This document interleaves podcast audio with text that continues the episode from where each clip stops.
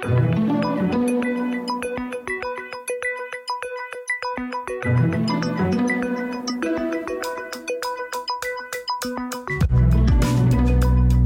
Har blivit dags att prata myndigheter här i Framtidsstudion. Samhällets institutioner som försöker se till att vi har både förutsägbarhet och utveckling och stabilitet och trygghet i vårt samhälle. Och en av verkligen nyckelfaktorerna bakom eh, det svenska men också västerländska framstegen genom historien. Att vi har pålitliga och skickliga ämbetspersoner i våra institutioner. Och de här myndigheterna behöver precis som alla andra lära sig att navigera i det här turbulenta omvärlden och den svår, allt mer svårförutsägbara framtiden. Och för att borra mer i detta så har jag med mig idag Erik Herngren, seniorpartner här på Kairos och med sen tidens begynnelse. Välkommen tillbaka till Framtidsstudion. Tack så mycket. Det var länge sedan. Mm, det var ett tag sedan. Jag minns inte jag ens. fick vara med. fick och fick. Det är bara här programledare som får vi som får vara synas i etern. Ja, ni hör bitterheten där. Eller hur? Det är bara så vi drivs här. Så är det. Precis. Ja, ja. Sist jag kollade ut så var det ingen kö utanför studion ska jag ärligt erkännas. Men jag ska komma ihåg detta framöver. Det blir kul att se dig oftare här. Nej, men skämt åsido. Eh, du har jobbat länge här på Kairos och är en av oss som har jobbat mest med myndigheter. Och bara för att orientera den lyssnare som själv kanske inte är en myndighet, så att säga, vad, vad behöver man förstå när vi pratar myndigheter? Vad är det för speciellt med en sån här organisation? Vad har de för premisser att utgå ifrån som kanske skiljer sig från alla andra? Inte minst. Ja, premissen på myndighet är ju dels att man är en offentligt ägd organisation och en del av det institutionella ramverket och förvaltningsorganisationen. Det vill säga det är i, i, i det stora hela, oftast är myndigheterna statliga, det vill säga de är en del av den statliga organisationen som har som uppgift att genomföra och utveckla och som du var inne på stabilisera eh, ytterst sett det som riksdagen bestämmer. Eh, myndigheterna lyder under riksdagen. Eh, och under regeringen i viss mån. När regeringen, men, men man, regeringen kan be myndigheter att ge dem uppdrag, men inte styra på detaljnivå. Vi har självständiga myndigheter i landet. Sen finns det också myndighetsutövning som sker på regional och kommunal nivå, det vill säga av kommuner och regioner som på uppdrag av riksdagen utför saker och ting eh, i sitt dagliga värv. Eh, och, och myndighetsutövande kan ju antingen handla om att just eh, skapa stabilitet och säkerhet och trygghet. Alltså det är ju en del av det här som ska vara, inte så vindflöjligt och endast allt för lätt. Det är ju en del av myndighetsuppdraget. Så man ska kunna lita på att det står kvar. Det är en institution helt enkelt.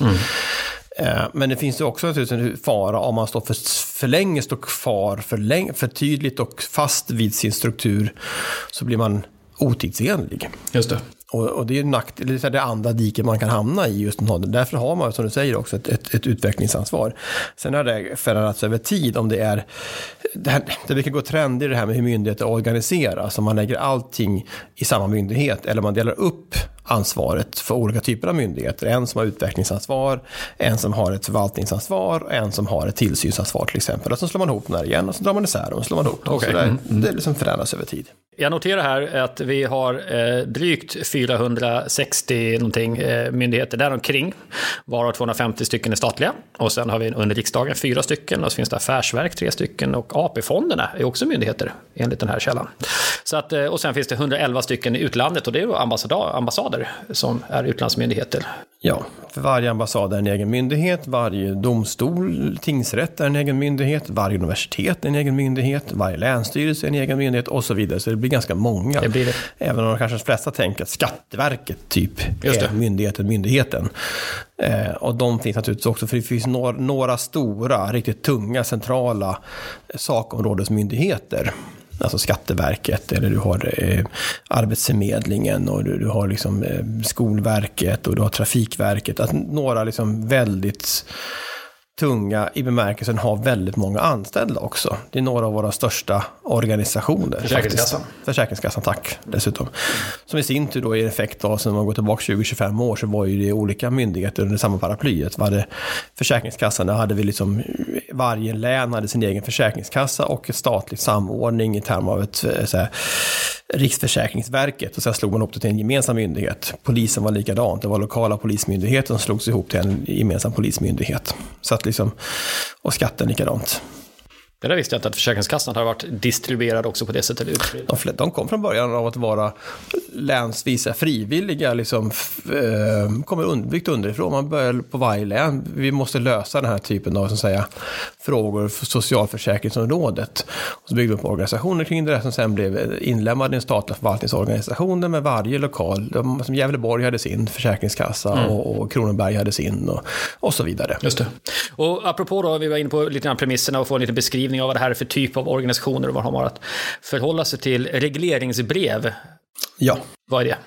Det är ju det instrument som varje myndighet får vid årets början av uppdragsgivaren, läs regering och riksdag, beroende på vem man lyder under då, som berättar det här vill vi att ni ska ägna er åt komma till. Det här är era mål och det här är de yttre ramarna för det ni håller på med. Det är naturligtvis en, en, en blandning av att, att det är någonting som, ja, det är, för myndigheterna är ju ett instrument för politiken ytterst sett för rikspolitiken att genomföra saker och ting. Men, men det ska vara med armlängds avstånd och där är det ibland lite svårt att kanske greppa vad det här armlängden betyder. Precis. Eh, men vi har en, en, lång tradition i Sverige, vilket långt ifrån alla länder har, att myndigheterna är självständiga och politiken får inte, en minister får inte gå in och beordra enskilda myndigheter att göra enskilda saker. Det kallas för ministerstyre och det säger vi nej till i det här landet. Mm. Bra, då har vi en bild av den här eh, myndigheten som organisation och vad de har lite för, för eh, saker att förhålla sig till. För att eh, alla organisationer behöver ju förstå sin omvärld och sin framtid, men man har olika frihetsgrader kan man säga när det gäller att agera på den då. Eh, och du Erik, du har ju som sagt jobbat med många myndigheter. Jag tänkte du skulle få resonera med oss lite grann kring eh, behovet av omvärldsanalys och framtidsspaning. Vad, vad, tänker du generellt om myndigheter först innan vi går in på hur man kan göra det? Vad, är det något speciellt man kan tänka på som myndighet? Eller som Eh, de flesta myndigheter eh, har i sina direktiv att också utföra, genomföra någon form av omvärldsanalys. Eh, en del har det för sin egen skull. Ni behöver göra en omvärldsanalys för att utveckla er egen verksamhet. De stora sakområdesmyndigheterna har också haft en förväntan om att i sin omvärldsanalys dela med sig av spaningar från sektorn till regeringskansliet. Till Finansdepartementet eller till det sakdepartement som man lyder under. Det vill säga, de vill ta del av vad tänker ni om utvecklingen, så då är det inte bara för sin egen skull. Och det är viktigt att man tänker omvärldsanalys. Liksom, alla omvärldsanalyser man gör kan ju tyckas att det är, liksom, ja, men det är ungefär samma trender överallt. Mm, fast ändå inte riktigt, därför Nej. att det är lite olika syften varje gång och då blir också urvalet av de förändringar som, på, som betyder någonting lite olika, även om huvud de stora, eh, lite floskelartade trenderna naturligtvis. Digitalisering och hållbarhet och allt vad det heter påverkar alla. Mm. Självklart. Men, men nyanserna i det här spelar roll. Om det är för att hur ska vi utveckla vår egen verksamhet bättre? Eller en omvärldsanalys för att förstå vad händer i den här sektorn just nu. Men det, har, alltså det uppdraget att jobba med omvärldsanalys har de flesta idag på ett eller annat sätt. Och det som skiljer kanske lite grann åt det här och det många är duktiga på det är just kanske framförallt sektorsmyndigheterna eh, att förstå det som händer på den egna sektorn. Det är många ganska bra på att göra skulle jag påstå på ett sätt. Då. Utmaningen blir det som ibland verksledningarna håller på med men som kanske inte alla medarbetare förstår vikten av. Det är ju den här frågan vilka omvärldsförändringar påverkar så här, konsten att vara myndighet. Just det, i sig liksom. Ja, det, för det är en egen, spel, det är en egen planhalva i, om man gör omvärldsanalys. Vi brukar prata om det här med omvärld, närvärde, invärld. Det vill säga att in, det sker förändringar hela tiden på tre olika nivåer i och omkring en organisation. Det sker förändringar internt, i det vi kallar för om, invärlden. Och resten är omvärlden. Och vi delar upp omvärlden på två nivåer. Den generella omvärlden och den mera näraliggande omvärlden som oftast är lika med arenan eller sektorn eller branschen. Vad där man har många leverantörer och målgrupper som man ja, jobbar med. Där man agerar till vardags mm. utanför sig mm. själv. Där har vi vårt handlingsutrymme. Mm. Om vi inte bara ska klia varandra internt, utan där agerar vi tillsammans med andra som också berör de här frågorna. Men den här närvärden brukar vi då säga att när det är en offentlig organisation, inte minst när det gäller myndighet, då är den som tudelad. Det är både sakfrågearenan och konsten att vara myndighetsarenan. De två delmängderna då. Och där ska jag säga att där är man väl lite olika bra, skulle jag vilja påstå, på att liksom skilja de här sakerna åt och tagit på sig de olika hattarna. För det är verkligen lite olika hattar på det där. Mm. Eh, apropå att jobba systematiskt med detta eh, över tid, du säger att nästan alla har det i uppdrag i någon form. Och vi vet också utifrån rätt nyligen inplockad eh, data som inte är representativ i och för sig, ska vi säga, utan vi har frågat vårt stora nätverk av Friends, vad, hur de jobbar i sina organisationer med, med omvärldsanalys. Så vet vi också att många har någon ansvarig, eh, ofta, som, som ska göra detta. Och Eh, något som är intressant att se här när vi tittar på myndigheterna, så när folk tar ställning till påståendet att vår organisation agerar proaktivt med hjälp av omvärldsanalys, då kan vi notera att bland statliga myndigheter så är det eh, ungefär 40 procent som menar att man gör det, att man arbetar proaktivt. Och 40 procent är en hög eller låg siffra, det får man känna efter själv, så att säga. Men det finns helt klart fler som skulle behöva det i den meningen. Då. Vi kan också se att eh, eh man, man sympatiserar i hög grad med, med, med mer systematiskt omvärldsanalysarbete, skulle vår organisation kunna erbjuda bättre kundnytta och höja sina prestationer väsentligt. Och då är det två av tre myndighets av de som har svarat här då, som säger att Nej, men det gäller för oss. Vi skulle kunna bli bättre på kundnytta och, och prestationer om vi var mer systematiska. Så att jag tänkte, Erik, kan inte, du, kan inte du föra in oss på några sätt att jobba med omvärldsanalys som kan vara mer eller mindre systematiskt, men som ändå är myndighetsrelevant? Oj, eh, för lite kort kommentar om det här kan man säga först att om det nu är 40% som säger att man jobbar proaktivt eller drar proaktivitet så tycker jag det är intressant för att säga 60% att man inte gör det mer eller mindre då. Ja, med hjälp av omvärldsanalys. Ska jag ja, ja, alltså, absolut, men, så jag menar det. Men, men och för mig belyser det lite grann det här, tycker jag, tycker en av nyckelfrågorna alla ni som lyssnar nu och som redan jobbar bra med omvärldsanalys, ni kan sluta lyssna, eller på att säga. ni vet redan hur man gör. Utan... Eller så skickar ni podden till någon annan. ja. Nej, men jag säger lite grann det här, utmaningen blir det också att göra omvärldsanalys som faktiskt betyder någonting. Mm. Och det skulle jag säga är faktiskt första rådet. Alltså, vill ni, alltså, bestämmer för Antingen bestämmer ni för att ja, men vi gör omvärldsanalys pliktskyldigt, vi struntar, vi, vi tänker inte dra nytta av det här själva, vi gör så lite som möjligt för det här för att vi måste skicka in någonting. Ja, okej, okay. då får man resultat därefter. Men om, jag menar på att omvärldsanalys är ett otroligt centralt instrument för att hantera framtiden. Och ju mer turbulent världen är, vilket många kan uppleva att den är just nu, då är det ännu viktigare att ha koll på omvärldsanalysen. För det handlar om att tillsammans i organisationen, både på strategisk ledningsnivå, alltså översta ledningen, och eller tillsammans med alla medarbetare, måla upp och få för, gemensam förståelse för hur ser våran terräng ut den kommande tiden? Vad är det som möjliggör att vi kan nå och fullgöra våra uppdrag på bästa möjliga sätt? Hur kan vi hantera liksom, det vi har fått oss i knät att göra med så stor effektivitet som möjligt, både på kort sikt och på lite längre sikt? Men måste jag, och då tänker jag så här, du, du ställer kraftfrågan så här, hur känns det egentligen? Gör vi det här mest för att vi måste eller gör vi det på ett sätt som gör att vi tar nytta av det? Och det är en jätteviktig fråga att ställa sig naturligtvis. Jag tänker också i de arbeten som jag är inblandad i, där större organisationer vill bygga en systematisk omvärldsanalys, så måste man också ha en väldigt klar idé om, om vi nu tar fram en analys, vem ska använda den till vad och när? Exakt. Man måste ha liksom en idé om den här brevlådan som man ska stoppa in den här analysen sen. Eh, och det, det är helt kritiskt att ha det med från början när man bygger den systematiska omvärldsanalysen också. Ja, och man måste vara beredd på att, att omvärldsanalys Omvärldsanalysens svar kommer innebära att vi ska göra förändringar. Just det. Alltså någonstans är det att omvärldsanalys och förändring hänger ihop. Mm. Eller om det inte hänger ihop så blir det sällan någonting bra. Och då, då, blir det, då är omvärldsanalys någonting man slänger pengarna i sjön på. Om man inte är beredd att låta den analysens resultat faktiskt influera vad vi ska göra framöver. Det är hela poängen. Sen kan man göra det för att göra omvärldsanalys. Och det, jag vill verkligen betona det, för det hänger ihop med framtid och det hänger ihop med olika framtidshorisonter. För det är det andra rådet vi vill prata om. det första handlar om, gör det på riktigt eller inte alls, typ. Och det andra är sen, var klar över på vilka tidshorisonter ska det här påverka oss. Det vill säga, är det en omvärldsanalys för att förstå våran terräng det kommande året inför nästa års verksamhetsplan som de flesta går in i, eller för att förverkliga saker inför budgetprocess eller vad det månde handlar om. Ja, det, naturligtvis kan man titta på det då och fundera på, finns det någonting nu i närtid vi behöver korrigera? Det vill säga, vi måste agera på saker och ting redan nu. Yes, och det tror jag de flesta fattar. Men då blir det också ganska operationellt eller operativa frågor som står i fokus. Vi tycker det är minst lika viktigt att fundera på det här med, med halvlånga och långa horisonterna. Och det blir ännu viktigare när det faktiskt börjar bli turbulent och man inte längre mm, vågar lita på att sanningarna vi trodde var sanna inte stämmer längre. För det är oftast det som händer när det börjar bli turbulent. Vänta, vad, vad kan vi tro på och inte tro på? Och då skulle jag säga, förstå skillnaden mellan olika tidshorisonter. Det är inte bara offentliga organisationer utan det gäller alla. Men jag vågar säga att det blir ännu viktigare kanske för en organisation vars grundidentitet handlar om stabilitet. Just det. Ja, det här är ju speciellt med myndigheter på det sättet. Att ja. det, det, finns där, både att, och speciellt i den här tiden, både att driva, vara med och driva samhällsutveckling och förändring som inte alls alla välkomnar. Om det är så att digitalisera offentlig sektor eller, eller att jobba med hållbarhet på olika sätt. Så här, där finns enormt mycket eh, pedagogiska och praktiska utmaningar. Men sen dessutom då vara eh, den som står för stabiliteten. Ja, jag tänker så här, för vi brukar prata med tre tidshorisonter. På kort sikt behöver man ha koll, och det visar gott om forskning, managementforskning och annat som visar på att om man vill bli en fram framgångsrik organisation, och, och en del tycker att det är löjligt att prata om framgångsrikhet, men jag brukar säga vem vill, vem vill vara oframgångsrik? Ja, men det är lyckas med sitt uppdrag som vi ja, pratar om. Precis, det handlar bara om det. Om man vill lyckas med sitt uppdrag på bästa möjliga sätt. Ja, på kort sikt, de som lyckas med det här saker och ting bäst, det är de som får saker och ting att hända. Alltså genomdriva verksamhetsplanens intentioner och allt det som står i den. Okej, okay, vissa är bättre på det än andra och de som är bättre på det, de kommer längre helt enkelt. Men det andra, och då är det här att agera på någonting och då kan omvärldsanalysen hjälpa till att skapa insikt om vad vi vill göra på kort sikt. Men det andra är de här halvlånga horisonterna, för redan idag kan vi ana att ja, men vi står också inför förändringar som kommer påverka oss på några års horisont, där vi kanske måste flytta resurser, disponera om saker och ting, jobba på andra sätt.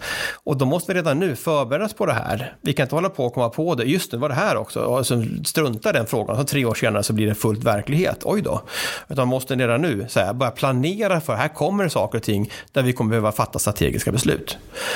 Och när man fattar de här strategiska besluten, då gäller det också att redan nu ha en bild av vad väntar borta för det här. Så den långa tidshorisontens betydelse. För att om man inte har det där, då kommer man ju stå där med en, en framtidsblick med en jättelik backspegel och pytteliten vindruta. Och vi tycker det ska vara tvärtom, det vill säga en stor vindruta som verkligen ser tillvaron om framåt och men samtidigt har en backspegel kvar för det gäller att förstå varifrån vi kommer, att inte släppa historien, för det är också förödande.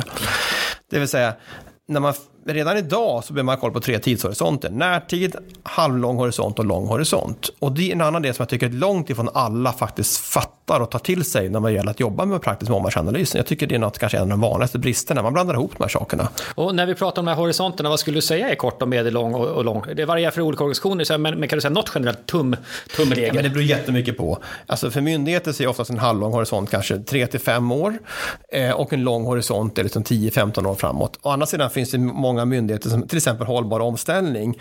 Eh, eller man jobbar med liksom infrastrukturfrågor. Man sitter nu, man sitter nu på, på eh, Trafikverket och funderar på det här. Men då kan man säga, ja men vilka frågor har vi på lång sikt? Ja men de ska bygga och förvalta vägar, järnvägar och annan fysisk infrastruktur som ska stå jättelänge framåt. Mm. Och så vet man redan nu, det kanske blir så att vi kommer få självkörande fordon inom kort. Mm. Vad betyder det för hur vi ska tänka på hur vägnätet ska se ut jämfört med järnvägsnätet till exempel? Det finns inga givna svar idag, det är en jättestor osäkerhet, men det är förmodligen någonting kommer hända på den frågan. Inte till 2023, inte till 2025, men till 2035. Och då är plötsligt 2035 en halvlång horisont, för den långa horisonten är ett samhälle där förmodligen autonoma fordon, eller helt eller delvis självkörande fordon, kommer vara hela fordonsflottan om 30-40 år kommer vara den. Och det blir annorlunda, hela tillvaron kommer, det kommer förändra hur platser fungerar, det kommer förändra hur trafiken fungerar, det kommer förändra jättemycket. Och den frågan borde man ta in då som myndighet, som Trafikverket är. Så att de har ju ganska långa tidshorisont i det de gör. Ehm, och, men däremot kan man prata om, om hur Försäkringskassan som jag nämnde tidigare, hur ska man se på socialförsäkring om 50 år? Ja, det kanske inte ens har en socialförsäkring om 50 år. Just det. Därför att det, det, vet vi inte, därför att det är, en, det är mycket mer föränderlighet som är inbyggt i det systemet. Så säga, även om någonting lär väl ha behov, behov av gemensamma spelregler för att skydda varandra och ta hand om varandra när, när livets skuggsidor dyker upp. Mm. När, man inte, när man behöver stöd och hjälp i, i termer av ekonomisk ersättning. Eh, så. Mm. Men, men eh, budskapet här är ändå så att säga att, att eh, för det första då, gör ni omvärldsanalys, se till att den får chansen att påverka verksamheten, gör det liksom helhjärtat som du är inne på, eller strunta det. Och sen det här att jobba då med, med tre horisonter och ta sig, skaffa sig en bild av det nära, det medellånga och det långa där borta. Och också då börja jobba med det långa där borta ibland också. Inte bara se att det är där, utan Exakt. börja lägga grunden för det. Speciellt som, som en stabilitetsaktör, som en myndighet är. Att vi måste vara väldigt transparenta, vi måste få med oss folk på att förstå det här och så. Och just det att förstå, tänker jag, det, det är en viktig, viktig del att ha med sig också. För att det jag upplever när jag jobbar med omvärldsanalys i organisationer, det är också att det skapas ju en samsyn kring vissa saker. Absolut. Det är inte så att alla är överens om allting äh, som görs, men, men äh, ändå skapas en gemensam berättelse att det här är på gång omkring oss och då förstår jag också besluten som tas på ett annat sätt. Och det, det är inte en nackdel i. Nej, och det är jätteviktigt. För det, eh, vi tänker kanske inte på det så, men det finns andra typer av gemensamma sanningar, eller snarare sanningar som finns kring det här med eh, vi agerar ju, människor agerar rationellt i sin egen vardag utifrån det som är rationellt för den själv där och då. Och det bygger på den kontext vi har sett att de här, om vi gör på det här sättet, då får vi de här svaren. Det tror vi oss kunna och veta. Och i stabila tider stämmer i regel det här. Mm. Men så dyker någonting upp som blir turbulent. Ta när pandemin dök upp för två och ett halvt år sedan. Ingen visste någonting. Mm. Vi hade ingen aning om någonting. Vad är rätt lösning? Vad är inte rätt lösning? Ja, men hur ska man veta det? Ingen har varit med om situationen tidigare. Och då var man väldigt vilsenhet. Då var man varken överens om ens vad frågan var eller vad lösningarna var. Och det var totalt, det blev kaotiskt och där orkar människor inte vara kvar i den typen av situation. Varken individer eller organisationer orkar vara kvar där. Och hur är man då myndighet i en situation när man inte är överens om någonting alls? Så blev det också konflikten inför öppen ridå, till exempel mellan delar av forskarsamhället eller vilka lösningar ska gälla och inte gälla. Och nu i efterhand kan man naturligtvis fundera på vad som hände och inte hände, men jag tycker det är ett jättebra exempel på det här med att även om man inte i förväg kanske hade kunnat se på den här detalj, eller hade man ju kunnat göra, men att förutse det på detaljnivå, exakt det här skulle pandemin innebära, så kunde vi ana sen tidigare också, vi kommer någon gång framöver kunna få den typen av allomfattande, väldigt lamslående influensor eller liknande pandemiska utbrott. Det har hänt historiskt sett tidigare också. Och då kan man, det är en variant på att hantera framtiden. Men använd då till exempel i det här fallet scenariotekniken för att titta på det. det. Det är liksom en add-on här nu. Utöver att ha en löpande kontinuerlig systematik ja. i detta.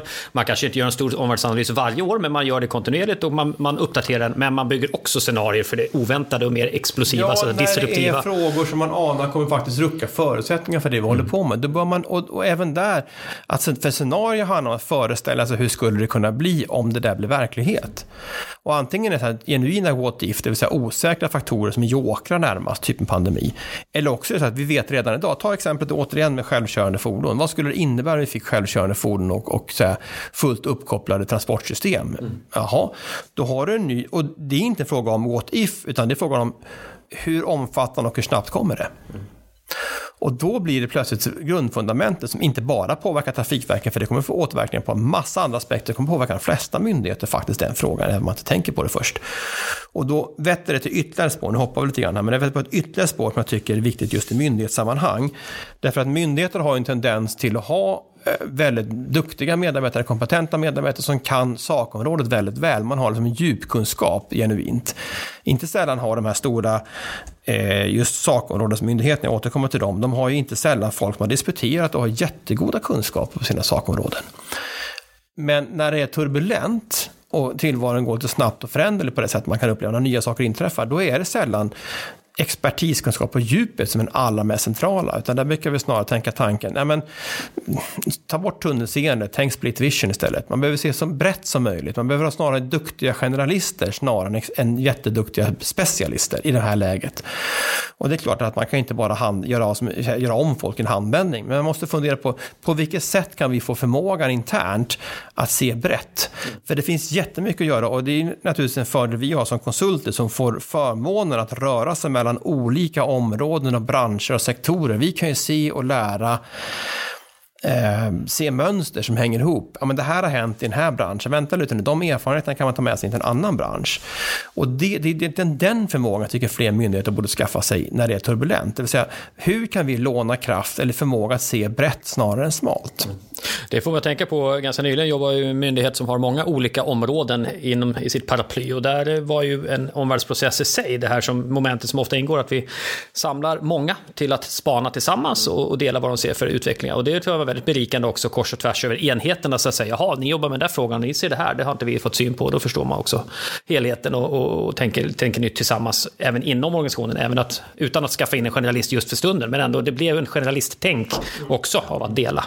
Sen behövs det jo, ytterligare. Ja, och jag, ja, det, dels är den delen att dela internt, för det finns ofta den typen av kompetens. Men överhuvudtaget äh, uppmärksamma behovet av det, släppa fram det. För det är klart att även många som är specialister idag, om de skulle naturligtvis se, kunna se brett om de fick frågan och våga släppa sin egen sarg om man ska vara lite utmanande här. nu Nämligen att men våga tänka på någonting annat än det du har din egen expertisområde kring. Det är ju så att de flesta är kloka människor och kan tänka till på de här sakerna. Men just låna och lär och se vad har hänt tidigare som påminner om situationen? För att just, just i en turbulent situation så är det ännu viktigare att förmåga att snabbt kunna se, vända huvudet åt andra hållet, titta vad händer där, vad händer där och liksom låta den blicken komma från olika håll och kanter. Det är det som kommer att avgöra. Eh, Dessutom tycker jag om man ska lägga till den faktorn, för det är en av mina käpphästar, det här, nämligen se brett snarare än smalt just när det är turbulent. Det andra man kan göra i det här läget är också att se över sitt nätverk, sina vänner. Alltså så här, vilka finns det som omkring oss? För att, för att oftast när vi är involverade så får man ju höra, och det vi jobbar själva ganska mycket med, det är olika former av trender, det vill säga det vi kallar för samhällsförändringar då, som vi uttrycker, vi, vi kallar det för trender. Eh, som man känner igen efter ett tag, man har säkert hört om tidigare, men som man kanske inte alltid har omvandlat till action, apropå det här med att bli mer proaktiv. Men utöver att det är trender, så finns det en annan faktor som påverkar tillvaron väldigt mycket framöver och det är enskilda aktörers agerande. Och oftast har man ju koll på de här traditionella huvudaktörerna, vad gör de? Även om man kanske inte alltid har ställt sig frågan vad har de egentligen för mål med sin verksamhet. Och då brukar jag tänka att det finns också en poäng ibland att göra aktörsanalyser. Jag funderar på hur ser landskapet ut framöver? Och eh, vi har gjort en nyligen åt en, åt en myndighet som, som eh, behövde förstå hur deras uppdrag skulle kunna, inte förändras, men snarare förutsättningen för att genomföra sitt uppdrag, givet hur aktörerna på den här sektorn och omkring den här sektorn agerar förut framöver. Vilka aktörer kommer öka betydelse, vilka kommer minska betydelse, givet utvecklingen runt omkring. Och då är vi inne i den här närvärlden som du pratade om tidigare. Ja, den alltså är närvärldsorienterad, men också kunna titta perifera, för inte sällan hittar man nya typer av aktörer och måla upp någon slags logikkedja, för det tycker jag inte heller alla kanske alltid har gjort det förstår Man är, bland, min kritik mot en del myndigheter i det här fallet, ibland är man lite hemmablind. Eh, det har, och det, återigen, det funkar ganska bra så länge tillvaron är stabil, men när det blir turbulent då behöver man förstå att här kan det dyka upp andra aktörer som över en natt kan få en större betydelse. Oj då, det hade vi ingen aning om eller inte tänkt på. Men med, hand, med facit i hand, när man vänder sig om efteråt kan man säga, jo vi hade nog kunnat se att de här fanns, men vi mätte dem ingen betydelse innan. Nej, för de hade vi inte ens på radarn. Och det där, men då behöver man ställa sig frågan, vilka, vilka behöver vi ha på vår radar nu? Ska vi till och med faktiskt jobba om våra nätverk, jobba mer genom de här än genom de där som vi brukar jobba genom till exempel? Låt oss återkomma till den risken så att säga. Och, och hemmablind blir man i vilken organisation som helst. Men det Absolut. kanske finns eh, skäl ibland också till varför det kan bli ännu mer så i en organisation som lite grann har som sagt i sitt uppdrag att vara stabil och, och eh, transparent och förutsägbar på olika sätt. Men hittills, eh, gör omvärldsanalysen ordentligt. De ska göra, se till att den har utrymme att påverka verksamhetsplanering och strategi jobba i tre tidshorisonter, det nära, det mellan eh, halvlånga och det långa eh, perspektivet. Kombinera systematik med att bygga scenarier för pandemier och Ukraina-krig och annat som känns väldigt oväntat och osannolikt. Och se upp ja. för det här expertdrivna tunnelseendet som kan dyka upp och slutligen då aktörsanalys. Vi fortsätter samtala med Erik om en kort stund. Välkommen tillbaka.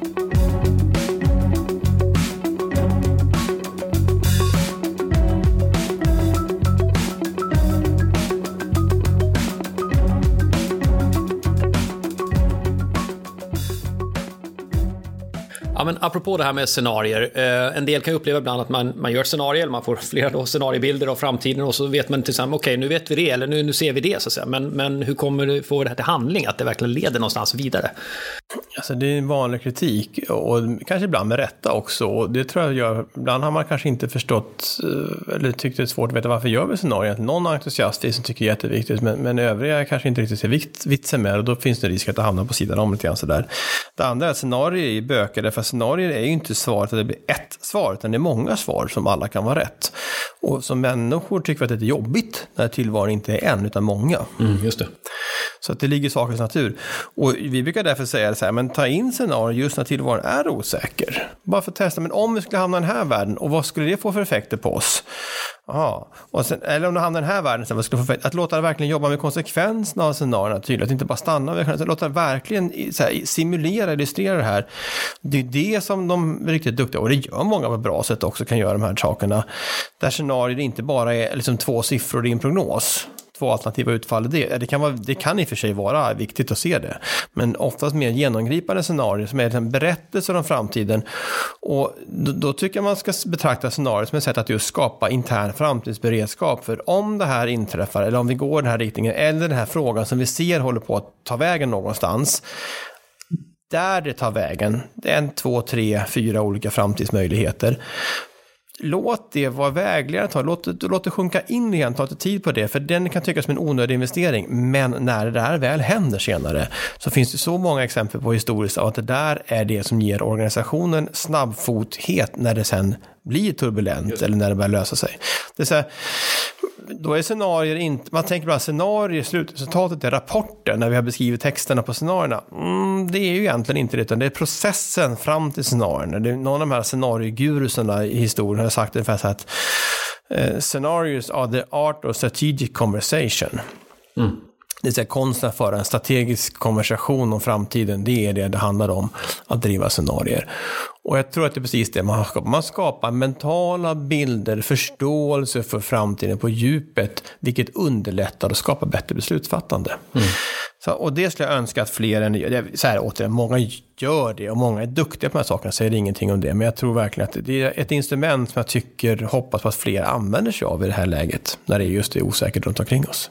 Och jag tycker du, du gör vi saker som jag tycker är viktiga. Det ena är inne på att ibland är det entusiast eller några stycken som tycker det här är viktigt och andra organisationer kanske inte riktigt känner att vad tillför det här? Har vi tid med det här? Och det här är liksom hypotetiskt tänkande. Vad spelar det för roll? Å ena sidan. Eh, å andra sidan är ju min uppfattning också att ett, när man har skapat scenarier, eh, jag var med i ett sammanhang till exempel där man funderar över framtidens arbetsmiljöfrågor och då vill man förstå vad är framtidens arbetsliv i så fall? Det måste vi försöka Exakt. få en bild av. Och då, då eh, gjorde vi en klassisk fyrfältare där det var två möjliga utvecklingar. Det ena var att automatiseringen går jättefort eller att den faktiskt går ganska långsamt. Det, det går inte så fort mot 2030 som det var fallet här. Då. Och det andra var i vilken grad individen stod och hade mycket ansvar för sin egen position på arbetsmarknaden eller om det fortfarande var mycket kollektiva avtal eh, och, och, lösningar, så kollektiva lösningar. Så.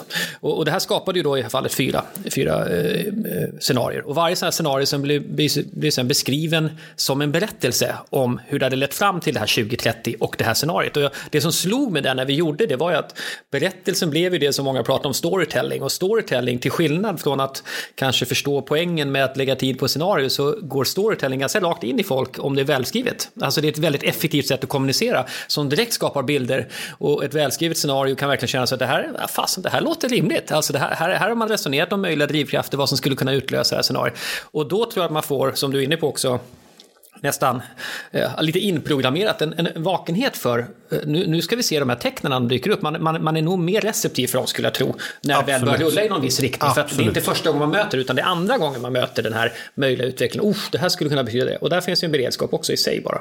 Jag håller helt med. Och eh, nu pratar vi från vår sjuka moster här, på att säga. Eh, I den bemärkelsen. Det är klart att det, det, är viktigt, för vi tycker båda är överens om att det här är viktigt. Eh, så. Men jag skulle också understryka det här med hur att det är en investering i bättre beslut längre fram.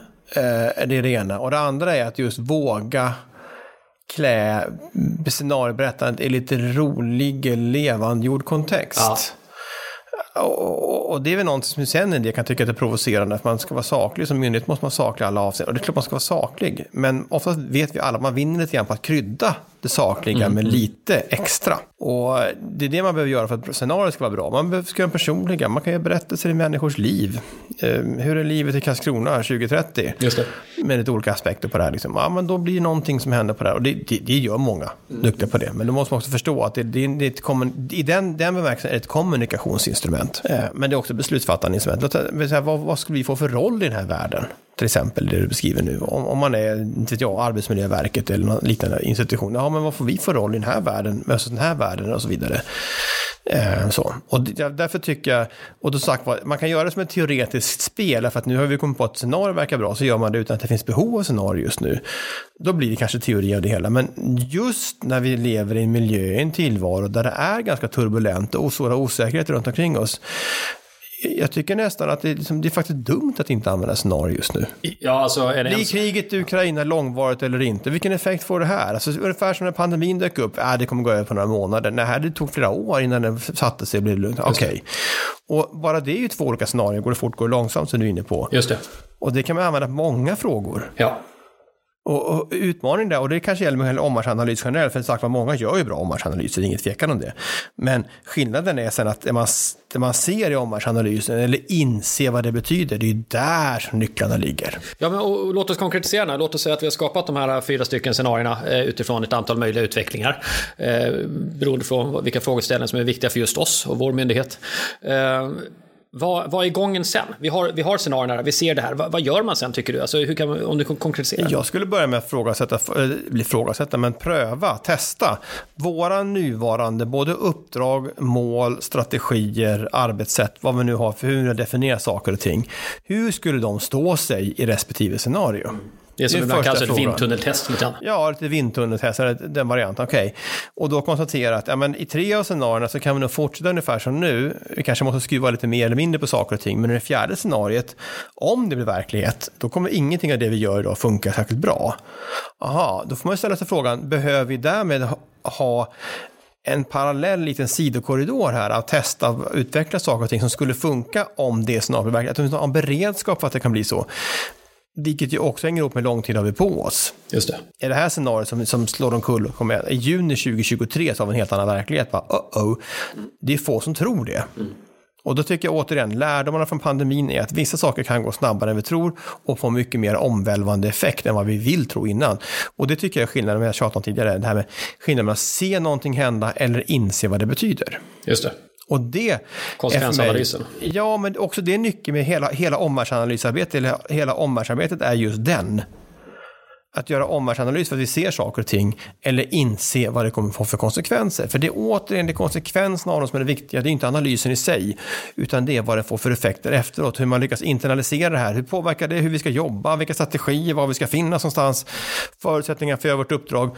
Och, och, skillnaden då också om man är en myndighet som har just stabiliseringsuppdrag eller man är kanske en utvecklingsmyndighet. En utvecklingsmyndighet behöver tänka som en, som en förändringskonsult eller en change management-konsult. Det vill säga vi ska driva på saker och ting. Och förstå var vi, och det, det gör många bra, tveklöst. Men bara det är ju skillnad på vad är grunduppdraget, vad handlar det om? Eller ibland vissa myndigheter som har flera olika hattar på huvudet eller flera olika roller. Eh, Just det här med vilka roller påverkas mest av utveckling just nu och på vilket sätt kan man dra fördel av det här då? Men när du, och när du är inne på det här med att vi måste förstå vad det innebär också, inte bara se att det händer. eh, Då tänker jag också, för mig är det skillnad mellan omvärldsbevakning, som många tror jag pratar om och som ibland hör, rör sig ihop. Det. En, en sak är bevaka omvärlden och andra saken är att omvärldsanalysera också. Ja. Att dra slutsatserna och, och vad, vad betyder det? Jag måste bara här eh, göra så här typisk eh, halvgenomtänkt sak, men, men jag vill ändå uppmärksamma en bok som jag fick lite intresse för för några dagar sedan. The, The Dawn of Everything. Och det är bland annat en kille som heter David Wengrow som har skrivit, han är antropolog och han pratar om, eh, de vill skrev en historiebok för att påminna folk om att det här typen av samhällssystem vi har idag är ganska godtyckligt, att det blev precis så här. Ibland kan man tänka sig när alla, alla samhällen sett ut på ett visst sätt, det har funnits kungar eller motsvarande och så har det funnits någon slags eh, pyramidformad struktur eller vad det är för någonting. Och han lyfter då en massa exempel på civilisationer och, och kulturer som man har mött genom historien man tittar bakåt och ser att det finns massa olika sätt att organisera sig. Och jag menar, vi är ju i ett mening nu i ett skifte då när vi ska få ett samhälle att bli hållbart, vad det nu betyder. Och här är ju verkligen möjlighet för en massa scenarier. Så här, men vad händer om det här skulle accelerera eller det här står still? Eller vad händer med effekten av ett intensifierat eh, kallt krig mellan Kina och USA? Vad får det för betydelse? Och så vidare. och Så, vidare. så att eh, det här samhället som vi ska landa i, som vi inte riktigt vet vad det är för någonting, där är som sagt, det, det är svårt att förutse vad det är för någonting, men det kanske går att stanna upp och tänka, det kan hända massa olika saker. Och The det? dawn of everything. The Dawn of Everything den. Positiv kille. Ja, precis, precis. Ja, nej, men, Nej, den- men, ja, ja, men det kan man ju naturligtvis göra på det. det eh, vi har ju sedan lång tid tillbaka förfäktat idén, vi säger Kairos, men en av våra kollektiva liksom så här, så här, idéer eller egna sanningar som vi bär på är att, vi, att eh, tillvaron går med repetition på 70-80 års intervaller ungefär. Det vill säga det är nya samhällstyper som växer fram under 40 år av expansion och sen kommer 40 år av kontraktion efter det. Och sen så står man för randet och skiftet till någonting nytt som dyker upp. Och det är precis det vi tycker att se just nu. Och det är en av de svåra konsterna, inte bara för att vara myndighet utan överhuvudtaget, men också vara myndighet. Det vill säga, ja, ska vi nu hjälpas åt ta hållbar omställning, är vårt uppdrag då att säga skruva på nuvarande ordning så lite som möjligt för att vi ändå klarar av hållbarheten eller ska vi verkligen ta språnget till helt, någonting helt nytt? Ta bara det här, du nämnde själv digitaliseringen som en fråga tidigare som man kan se som att ja, men det är ett instrument, det är, det är en av de mest kraftfulla förändringarna, instrumenten vi har haft i mänsklighetens historia som kommer förändra samhället mest. Det är i paritet med de andra stora, liksom, det är ångmaskins eh, upptäckande när det gäller förändringskraft. Och vi är mitt uppe i den förändringen och det är svårt att se hela vidden av det och det händer så mycket. Och vi kan tycka att det är uttjatat. Inte desto mindre kan man fundera, för var och en av oss fattar ungefär så här, ja, skulle vi liksom riva ner eller ta bort allt som vi har idag och bygga upp det på nytt igen, inte 17 skulle vi bygga strukturerna på samma sätt som vi har haft dem tidigare. Vi skulle bygga på annat sätt. Det tycker jag är en utmärkt avrundning av detta tredje steg på vår lista över råd och tips kring omvärldsanalys för myndigheter. Eh, vi tar oss vidare.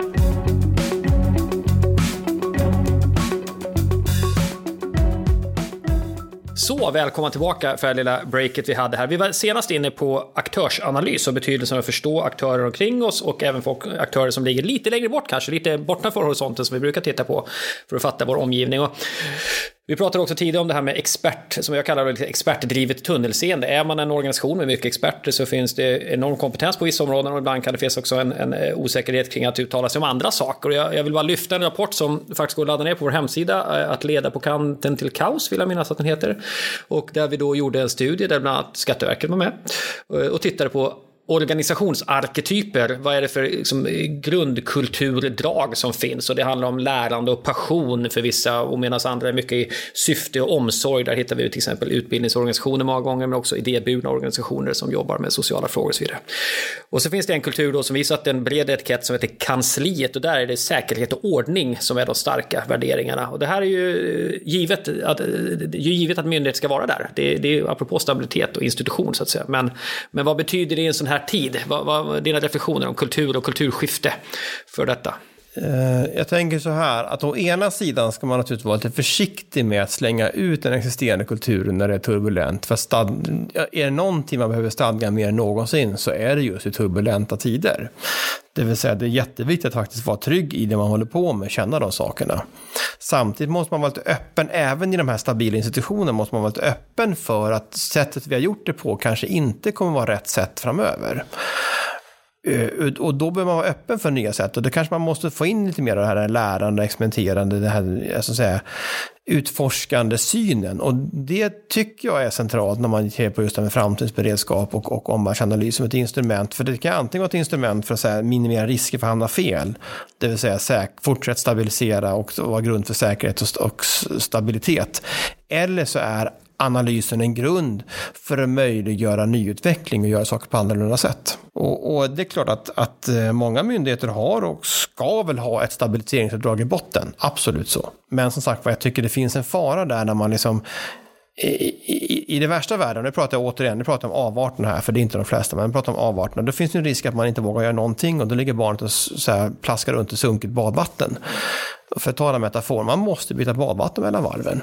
Och, och analysen är ett sätt att blicka upp mot omvärlden, ett sätt att förstå vilken typ av badvatten ska vi ligga i framöver. Och här måste vara en utmaning tänker jag, för att eh, man har ju, som vi var inne in, inledningsvis, om myndigheternas premisser, så att säga, regleringsbrev och politikens styrning och så vidare. Och vem är det som var någonstans i, i samhällsbygget finns liksom den visionära och framåtseende förmågan som visar vad en institution faktiskt skulle behöva göra om 10 år eller 20 år för att det verkligen ska bli hållbart. Det måste vara en utmaning. Jag hade haft någon från myndigheter här som jag kunde prata med, så jag hade gärna borrat djupare i det. Liksom, vad är det att vara medarbetare i en organisation som å ena sidan kanske tycker att politiken ibland ligger efter, naturligtvis, och, och ser att vi, vi borde röra oss åt det här hållet, men här är vi inte överens och politiken är splittrad i frågan och sådana saker. Det, det kan inte vara så himla lätt landskap att navigera i.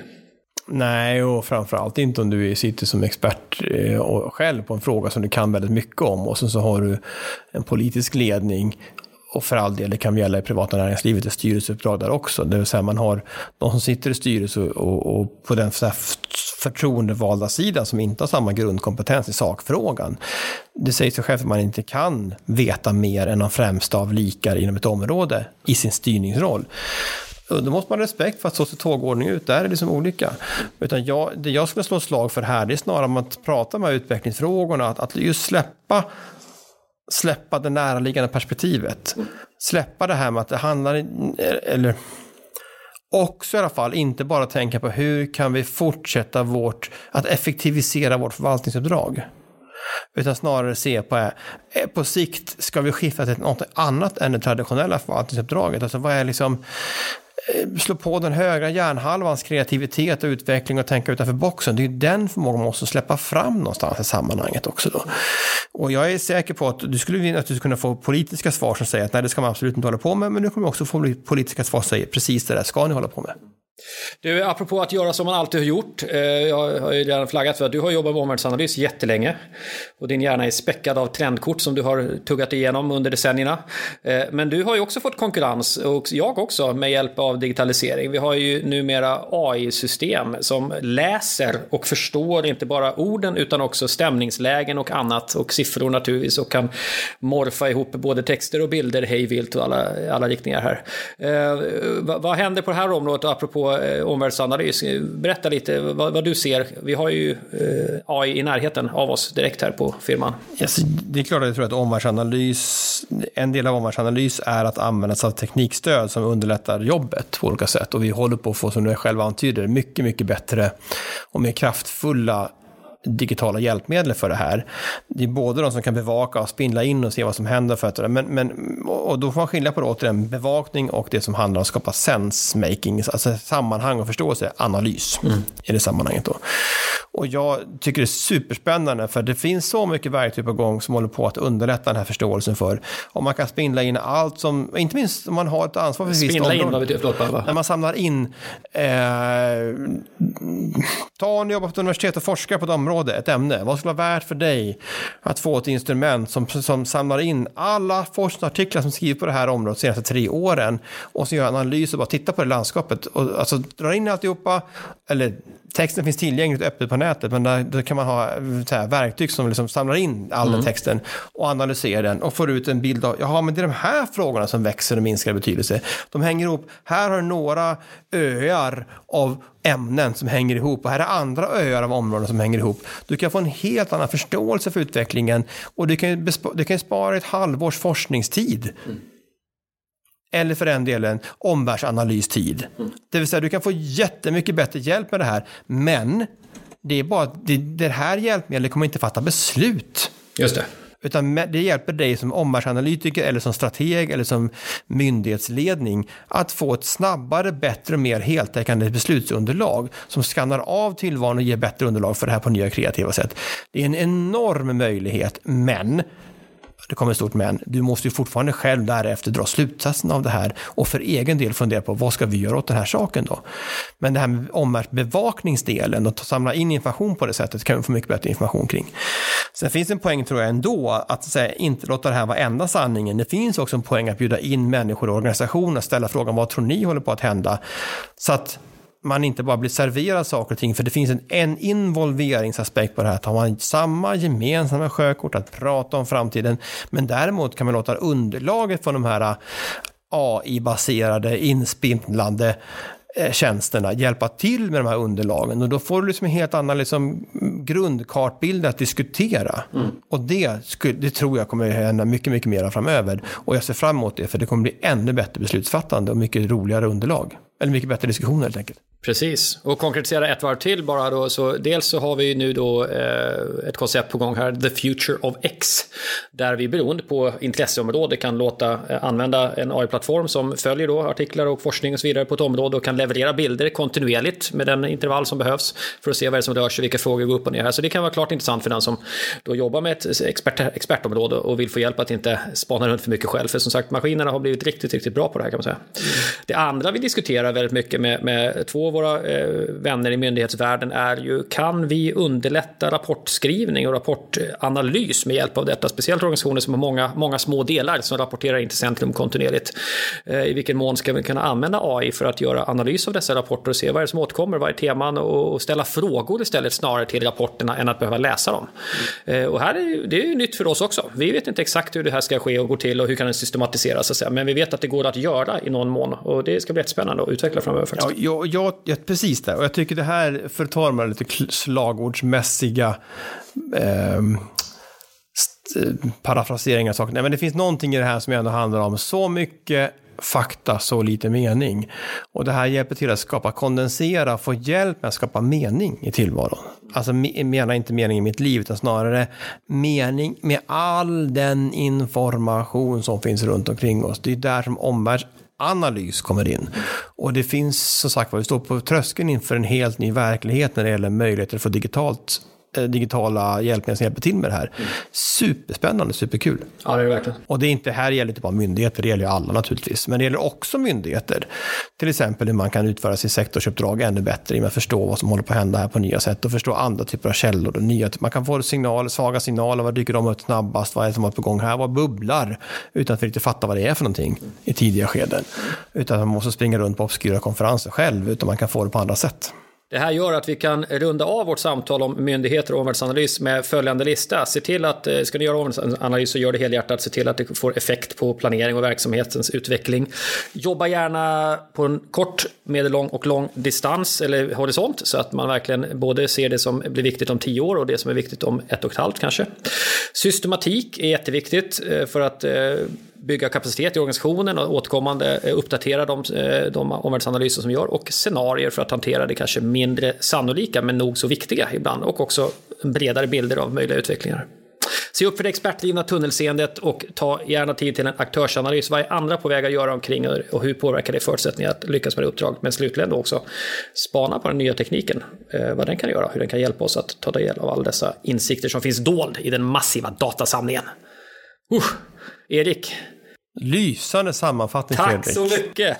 Bra! Kunde inte sagt det bättre själv. Ja, vad trevligt. Vi landar i en bättre stämning än vi börjar tycker jag med bittra kommentarer. Men det är roligt, härlig stämning.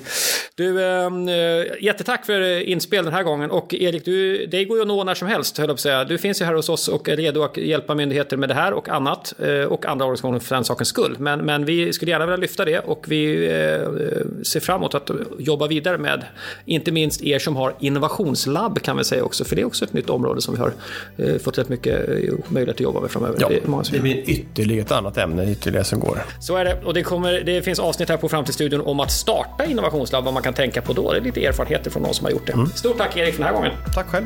Vi säger tack och hej från Framtidsstudion och vi hörs igen framöver hoppas vi. Ha det riktigt gott. Jag heter Fredrik Thorberger.